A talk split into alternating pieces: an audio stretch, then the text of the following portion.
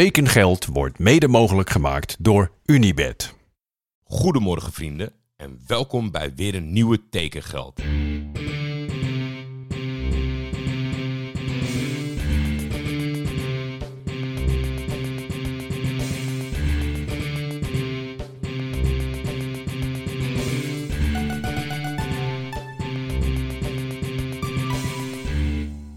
Laten we vandaag maar eens gewoon meteen beginnen. Ik heb niet zo heel veel te melden. Nou, misschien nog één klein dingetje. Vond ik wel prachtig om, om, om te zien uh, waar tekengeld allemaal aan het belanden is.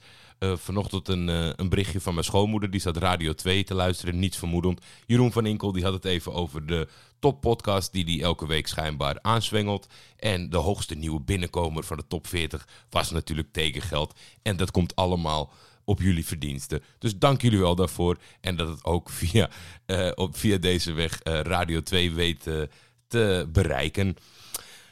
Almere City had natuurlijk gisteren een belangrijke klap uitgedeeld richting Telstar. Maar ze zijn er meteen erop en erover gegaan. Want nummer 2 is ook al aangemeld. En dat was niemand minder dan Anthony Limbombe. Nou moest ik eerst even meteen nadenken. Anthony Limbombe Waar zat hij tegenwoordig? Hoe oud is hij inmiddels? Ooit naar Almere City. Die was toch ooit hartstikke goed. Uh, toen bedacht ik mij, ja, Nant en Belg. Dan moet ik natuurlijk mijn goede vriend Sirik Chevret hebben. En ik heb hem gevraagd, hoe kijk jij hier tegenaan? Hey Jordi, Anthony Limbombe. Ja, toen ik je appje zag, dacht ik echt, huh? voetbalt die jongen nog? Ik dacht echt dat hij er klaar mee was, dat hij ermee gestopt was nadat hij zijn uh, contract in april had ontbonden bijna. Maar nee, dus Almere City wordt het. Ja, veertiende van de keukenkampioen-divisie vorig seizoen. Ja, dan uh, is dat toch wel een klein beetje pijnlijk. Ik stel me dan wel de vraag, is hij dan niet in aanmerking gekomen bij Belgische clubs in eerste klasse, zoals Kortrijk, Oostende, Sint-Truiden, Westerlo, Serrain? Blijkbaar uh, dus niet. Ja, Nantes, dat is zijn laatste club en het is eigenlijk daar al fout gelopen bij zijn transfer. 8 miljoen euro heeft hij gekost. Uh, duurste transfer in de geschiedenis van de club. Um, hij heeft uh, ook nog een salaris van 1,2 miljoen euro daar gekregen destijds. Het vijfde grootste salaris van de club. Ja, als je dan weet, uh, Jordi, dat hij 5 miljoen euro heeft verdiend de afgelopen vier jaar en dat daar vier goals uit voort te komen zijn je hebt er nog eentje gemaakt op uitleenbasis bij Standaard, maar dat was het dus. Ja, dat is uh, geen, uh, ja, geen prachtig bilan dat je kan voorleggen bij, bij clubs natuurlijk. Ik heb even gecheckt, Jordi. Um, hij heeft dit seizoen volgens maar één match gevoetbald in de National 2 bij de belofte van Nantes. Dat is de vierde divisie. Daar heeft hij 13 minuten mogen invallen in maart. Ik kan zijn fans nog hoop geven. Volgens bepaalde artikels zou hij twee matchen hebben gevoetbald bij de belofte, maar dat was het dus. En uh, ja, dat waren zijn eerste minuten sinds uh, eh, 7 maart 2020. Toen uh, voetbalde hij nog een kwartiertje bij Nantes in, tegen Angers liever in de Ligue 1. Dat waren zijn laatste minuten. Toen daarna de competitie stilgelegd door COVID. Dat is ook een beetje pech. Hij is blessuregevoelig. Maar ja, het is toch een pijnlijk verhaal, Jordi. Je hebt een reeks gemaakt over gevallen clubs. Je zou er eentje kunnen maken over gevallen spelers. En dan zou hij er echt in passen. Um, ja, het is echt uh, een pijnlijk verhaal. En als je dan weet dat hij uh, in maart 2018... Toen werd hij nog opgeroepen voor de Rode Duivels. Dat was drie maanden voor het WK, waar de Belgen derde werden. Ja, dat is een pijnlijk verhaal. En, ik zei dat straks, die transfer ja, hij is naar Nantes gehaald door Moji Bayat. Niet helemaal onbekend, denk ik, bij jullie. En ja, je moet weten dat de Franse justitie heeft uh, die transfer onderzocht. Want uh, hij kreeg 3 miljoen euro tekengeld bij Nantes. Groot bedrag. Maar hij zou dus de helft hebben moeten doorstorten naar Moji Bayat. En op die manier heeft Bayat de regelgeving in Frankrijk uh, omzeild en geen belastingen betaald op een commissie die hij dan heeft gekregen. Dus ja, echt rooskleurig is de toestand en de carrière van Antonio Bombi niet. Nu wordt het Almere City. Ik uh, hoop voor hem dat het goed komt, maar Jordi, ik vrees er echt voor. Het is misschien niet helemaal het bericht waar de Almere supporters op zitten te wachten. Maar je weet het natuurlijk nooit. Uh, het is natuurlijk wel even een paar stappen terug uh, van Anthony. Dus wie weet dat het wel goed uitpakt. Maar ik moet mij voorlopig achter Sirik scharen. Ik moest nog wel eh, lachen om een tweet die ik ontving van uh, Typisch Telstar. Telstar is sinds gisteren de enige club die zich nog niet versterkt heeft. Of zoals wij van het bolwerk het stellen, de enige club die het gehele budget nog vrij heeft voor late aanbiedingjes. Ja, hey, zo moet je het ook uh, zien, hè? Dan van de positieve kant. dan was er Feyenoord nieuws. Uh, in ieder geval Feyenoord nieuws dat al helemaal was afgerond. Max van Dijk uh, die uh, wees mij op het feit dat vandaag Kukcu voor Fabrizio Romano speelde. Want die deelde een foto dat hij aan het padellen was met Mohamed Tabouni. En het is diezelfde Tabouni die deze zomer transfervrij overstapt van Feyenoord. Of nee, van AZ naar Feyenoord. Natuurlijk een weg die momenteel, of tenminste sinds de komst van Slot, wel eens vaker wordt bewandeld. volgens mij niet helemaal naar wens in Alkmaar deze situatie. Maar uh, Mohamed heeft gekozen om uh, weer met slot te gaan werken. Uh, AZ heeft nog wel een poging gedaan om te verlengen met hem. Dat was niet mogelijk en hij gaat zijn kansen in Rotterdam bekijken. Ik denk wel een, een, sterke aankoop van de Rotterdammers. Dan een schitterend bericht. John van Loen moet de club, moet club in Georgië behoeden voor degradatie. John van Loen gaat aan de slag als hoofdtrainer van Lokomotiv Tbilisi. De 57-jarige oud-voetballer staat voor een zware opgave om met zijn nieuwe club in de hoogste divisie van Georgië te blijven. Tbilisi verloor 17 van de 18 competitiewedstrijden. Gagra, de nummer voorlaatst van de ranglijst, heeft al 15 punten meer. Van Loen was afgelopen seizoen hoofdtrainer van de amateurs van VVZ 49 uit Soest. De oud-voetballer van onder meer FC Utrecht, Roda JC, Ajax en Feyenoord werd na zijn actieve loopbaan jeugdtrainer en assistentscoach bij FC Utrecht hij was in het seizoen 2014-2015 hoofd jeugdopleidingen bij FK Karabakh in Azerbeidzjan. Eind vorig jaar verscheen een boek over hem. In Jean Loen over de rode is hij openhartig over zijn leven op en naast het veld. Nou ja, Misschien is dat boek wel te vroeg uitgekomen, want het is natuurlijk een enorm avontuur. Tbilisi 17 van de 18 wedstrijden verloren. 15 punten achterstand op de nummer voorlaat. Waar begin je aan, zou je zeggen? Aan de andere kant, ja, ook wel mooi dat hij het gewoon aangaat. Uh, heeft het avontuur al eens geproefd in, in Azerbeidzjan. Als de randzaken goed georganiseerd zijn, hij kan er in ieder geval alles aan doen om het, uh, om het te laten slagen. Ik ben wel bijzonder geïnteresseerd of dit sprookje gaat lukken. Dus uh, uh, ik zet hem onder de favorieten bij Livescore. Dat we af en toe kunnen kijken hoe het team van Van Loen doet. Uh, dan heeft Dordrecht weer iemand aangetrokken. Elso Brito, de 28-jarige linkervleugelverdediger, speelde onder andere voor Excelsior, Telstar en Go Ahead Eagles. En komt nu over van Wigri Suwalki op het tweede niveau in Polen. En nou, ik moet toch zeggen, er wordt veel gehandeld met Polen. En over het algemeen, alle clubs in de extraklasse, die doen toch wel een belletje bij me rinkelen. Maar het is Dordrecht gelukt om een club te vinden. Wigri Suwalki, ik had er nog nooit van gehoord. Wat ik wel heerlijk vind is dat van Dordrecht-zijde kwam Leon Flemings aan het woord. Die kennen we natuurlijk allemaal. Maar wisten jullie dat zijn titel bij Dordrecht, die geloof ik een enorme staf heeft... Uh, boven de trainer, zeg maar allemaal mensen in functies. Uh, hij is innovatiemanager. Dus ik weet ook niet waarom de innovatiemanager aan het woord moet over een aankoop. Dat lijkt me de technisch directeur. Volgens mij hebben ze die ook. Dus uh, nou ja, hij is in ieder geval heel blij en hoopt dat Elso wat uh, volwassenheid aan de ploeg kan toevoegen. En hij is onbetwist de eerste keuze. En als hij het niet haalt bij Dordrecht, dan ligt dat aan hemzelf. VV Venlo, daar was wat vervelend nieuws. Die hebben een nieuw, train, of een nieuw keeper aangetrokken in Enio van der Gouw. Van de Gouw, keeper, ja ja, het is de zoon van. Die is overgekomen omdat eigenlijk bij VVV ontstond een probleem nadat keeper Bram Verbong aangaf dat, uh, of tenminste ja, in, in, in overleg met de medische staf, de mensen die erbij betrokken zijn, dat hij niet goed gaat herstellen van zijn blessureleed. Ik heb uh, getracht te onderzoeken wat het is. Niet achtergekomen, maar het is natuurlijk verschrikkelijk om op zo'n jonge leeftijd die kiks aan de wil gewoon moeten hangen. Uh, hij zegt, ja, mijn jongensdroom komt hier abrupt ten einde. Dat is natuurlijk verschrikkelijk, maar hij was wel dankbaar voor alle mooie herinneringen en ervaringen die het profvoetbal hem gebracht heeft in de jeugdopleiding vooral. Ennio daarentegen, die heeft nog geen wedstrijd gekiept op het allerhoogste niveau. Komt van Vitesse af en uh, gaat voor zijn kans uh, bij Venlo.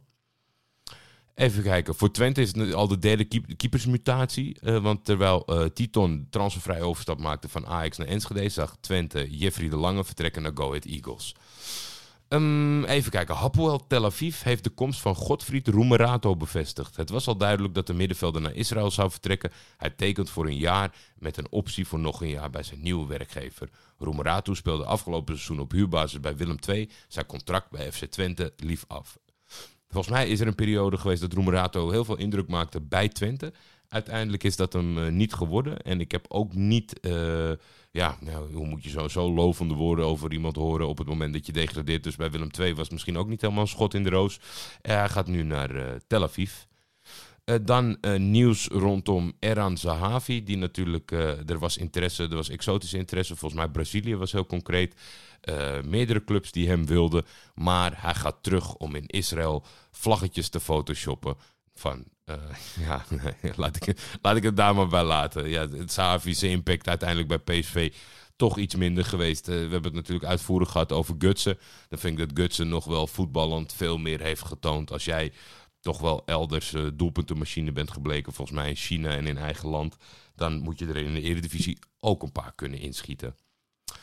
Even kijken, dan in de goede geruchtenreeks eh, hebben wij, heb ik Wesley Victor Mak benaderd. Want er is toch wel ja, een heel concreet gerucht. En dat is over het feit dat Feyenoord eruit lijkt te komen met Italiaans international sinds kort Wilfried Gnotto. Nou weet ik niet of ik het helemaal goed uitspreek. Ik heb Wesley natuurlijk het al drie keer horen zeggen. Maar laten we Wesley eh, eh, aan het woord laten. Wat Feyenoord van hem kan verwachten en hoe hij hier, eh, tot hier is gekomen. Hey Jordi, ik luister altijd met veel plezier naar tekengeld. En als er dan de mogelijkheid bestaat om als Italië-liefhebber eh, ja, iets bij te dragen, is dat natuurlijk heel erg mooi meegenomen. Eh, vandaag gaat het over eh, Willy Gnonto. Ehm, speelde afgelopen seizoen voor FC Zurich in de, in de Zwitserse competitie. Kwam daar terecht nadat hij Inter, de jeugdopleiding van Inter, eh, na een paar jaar achter zich, eh, zich liet. Om toch ja, kansen te krijgen in het profvoetbal. Iets wat in de Serie A, zeker bij de topclubs, heel erg lastig is als, eh, als jeugdexponent. En hij koos toen eieren voor zijn geld en ging naar FC Zurich. De Zwitserse competitie sowieso. Een, een, ja, een competitie waar vaak jonge talenten naartoe gaan in zoektocht naar meer speeltijd. Eh, en hij heeft het daar heel goed gedaan, was bij meer dan 10 doelpunten betrokken. En kwam wonder boven wonder ook terecht in de eh, ja, Italiaanse selectie. Dat begon eigenlijk doordat uh, bondscoach Roberto Mancini ja, toch na het, mislopen van het, van, het, van het wereldkampioenschap in Qatar had besloten om heel veel jonge jongens op te roepen. Uh, naast Gnonto waren het ook Quagliata, Oristanio, jongens die afgelopen seizoen ook in Nederland voetbalden. En Gnonto heeft het eigenlijk op die trainingsstage zo goed gedaan dat hij bij de, ja, bij de selectie mocht blijven voor de Nations League van de Azzurri. Uh, maakte zijn debuut zelfs. Zes minuten later gaf hij direct zijn eerste assist. En een paar dagen later was het tegen Duitsland was het raak. Helaas voor Italië een pijnlijke nederlaag. Maar voor Willy Gnonto was het een prachtige dag. Eerste interland doelpunt en ook nog eens het jongste... of tenminste hij werd daarmee de jongste speler ooit... die een doelpunt wist te maken voor de Azzurri. En dat heeft hem natuurlijk heel erg veel interesse opgeleverd. Um, binnen Italië, maar ook zeker buiten de landsgrenzen. En het feit dat hij uh, natuurlijk voor Zwitserland heeft gekozen uh, in 2020... Um, laat wel zien dat hij wel overwogen de keuze maakt... dat je niet um, je blind staart op het feit... ik speel bij Inter, een topclub in, een, uh, ja, in, de hoogste, in de hoogste jeugdploegen... dus ik krijg een kans. Hij heeft echt besloten om een soort van ja, opnieuw te beginnen in een ander land...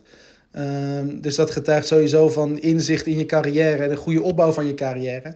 En ik denk als je de Zwitserse competitie, dus met meer dan 10 doelpunten waar je bij betrokken was, uit hebt gespeeld, is de Eredivisie een hele mooie volgende springplank. Um, bij Feyenoord zal Njonto misschien in het begin een beetje uh, overeenkomen met het, uh, de start van Luis Sinisterra. Um, is daar ook wel een beetje mee te vergelijken in de zin van dat hij heel snel is, een goede dribbel heeft. Um, en natuurlijk ook een, een heel explosieve speler is. Een van de punten waar hij misschien wel aan zou moeten werken uh, is zijn, ja, zijn technische en tactische kwaliteiten. Maar ik denk met een trainer als Arne Slot moet dat, moet dat, moet dat ook goed komen. Um, ja, dus kortom een hele interessante transfer als het doorgaat natuurlijk allemaal. En laten we vooral hopen voor jou, voor mij en, uh, en voor de competitie... dat er nog veel meer Italianen naar Nederland komen. Want het is altijd een, uh, ja, een hele mooie bijkomstigheid. Groetjes! Nou ja, eigenlijk het, e het, enige minpunt wat ik eruit zou kunnen halen... is dat hij ja, op, vanuit de positie van Sinistera kan acteren. Dus dat Feyenoord misschien een beetje voorsorteert op toch een vertrek van de Colombiaan. Wat heel jammer zou zijn, omdat ik hem zeker in de tweede seizoenshelft en in de Europese wedstrijden heb ik echt ontzettend van hem genoten.